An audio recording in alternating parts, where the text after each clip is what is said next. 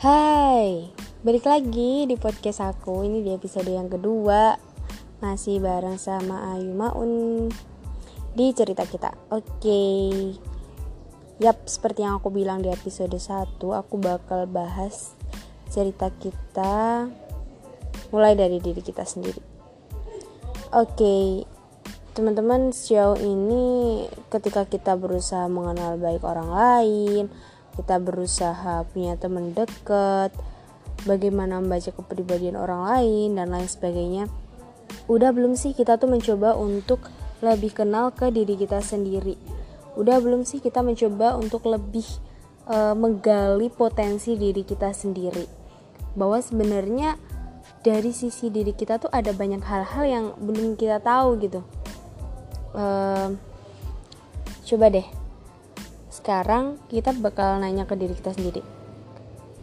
Pernah nggak kita ngerasa kayak gue itu bisa apa sih?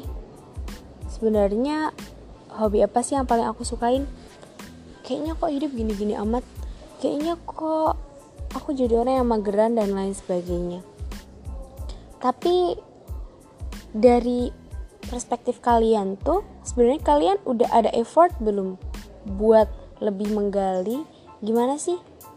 Biar aku tuh bisa menemukan jati diri aku. Karena kan kalau misalkan sekarang tuh kayak kebanyakan orang mereka tuh bilang kalau aku sedang mencari jati diri. Nah mencarinya tuh udah ketemu belum? Dan butuh berapa lama biar kita tuh bisa menemukan jati diri kita gitu.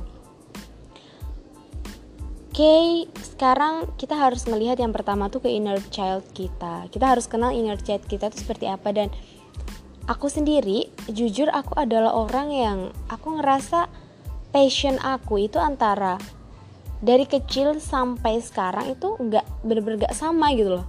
Jadi kayak oke okay, taruhlah dulu ketika SD aku sering banget lomba pidato.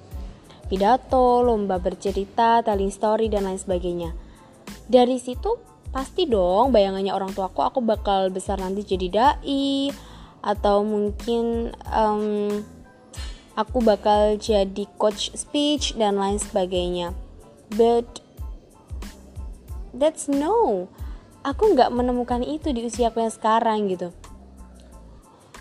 Dan seiring berjalannya waktu oke okay, dari SD aku mungkin selalu jadi juara satu.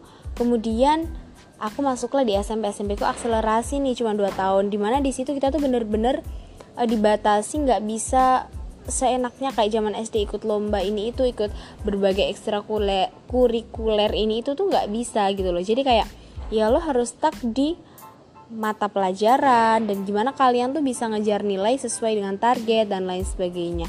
Karena memang kalau di akselerasi tuh kalau kita tuh nilainya nggak memenuhi standar dulu kan KKM-nya kalau zaman aku tuh 80 sudah 80 tuh waktu dulu nggak tahu kalau sekarang berapa.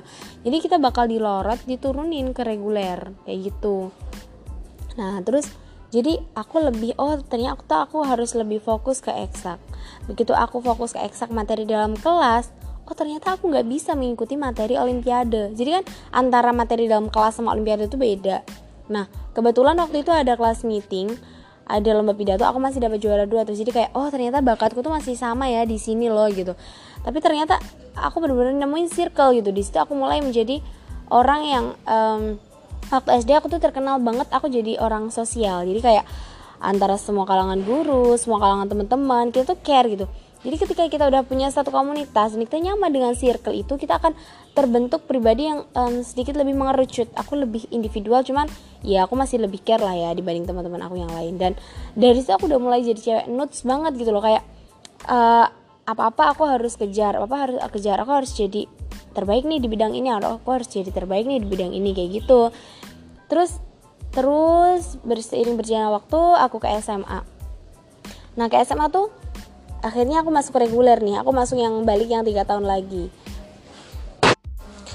I'm sorry ada suara gedoran pintu karena ketiup angin gengs. Terus akhirnya nih di SMA jadi karena SMA aku tuh reguler aku tuh kayak dapet kebebasan keluar dari kandang singa gitu. Akhirnya aku ikut osis dan banyak banget ekstrakurikuler yang tak terhitung ya enggak sih? Paling cuma empat. Nah di situ tuh jadi aku ngerasa kayak wih ternyata enak ya lebih enakan jadi orang organisasi nggak terlalu dituntut harus bla bla bla bla bla bla dan lain sebagainya. Tapi ya gitu karena efeknya mungkin belum bisa ngeminit waktu dengan baik akhirnya ya apa ya aku nilainya agak sedikit turun. Aku kayak dan aku tuh shock banget gitu loh ketika aku tuh menemukan dunia SMA yang oh my god ternyata dunia anak-anak reguler tuh ya Tuhan nggak selurus jalan tol di saat aku tuh di akselerasi gitu. Tapi ya udahlah ya that's how we can uh, adaptation kayak gitulah.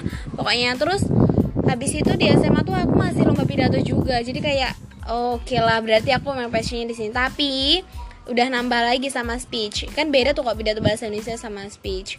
Terus juga di situ aku udah mulai um, suka sama LKTI dan lain sebagainya. Tapi aku masih apa ya kayak masih kayak masih ambis di di cita-cita aku ke, ke yang dari awal. Dulu tuh kayak aku tuh harus masuk di FK nih FK nih FK nih FK nih gitu. Kayak yang pokoknya dunia aku tuh seputar FK FK dan FK gitu. Bahwa di atas cita-cita tuh ada realita. Aku tuh lupa kalau di situ ada realita oke okay, akhirnya aku masuklah ke kampus. Dan aku sempet gap year. Kalau kalian tahu ya gap year. Aku tuh sempet gap year selama 2 tahun. But that's okay. Kenapa? Karena ya walaupun aku gap year ya tetap aja ya aku se usia teman-teman aku lah ya. Nah jadi di usia kuliah apakah yang akan terjadi kalian harus dengerin podcast aku yang ketiga. Di situ bakal ada the real of life. Kita bakal nemuin hidup yang sebenar-benarnya hidup. Karena kalau dulu tuh di uh, perpisahan sama aku itu tuh ada semboyan akhir cerita awal realita. Dan emang itu tuh bener banget gitu loh kayak iya ya SMA SMP SD tuh tinggal cerita dan di itu tuh masa-masa di mana kita tuh kayak ya lo tuh cuma 50% gitu loh. Yang 50% tuh masih orang tua, masih guru. Tapi di kuliah tuh bener-bener yang kamu tuh udah mulai memasuki fase 70-80%. Oke okay guys, see you di next podcast. Aku jangan lupa dengerin cerita kita sebagai teman tidur kalian, teman ngopi kalian, teman duduk galau-galau kalian. Dan semoga kalian menemukan semangat baru. Dah.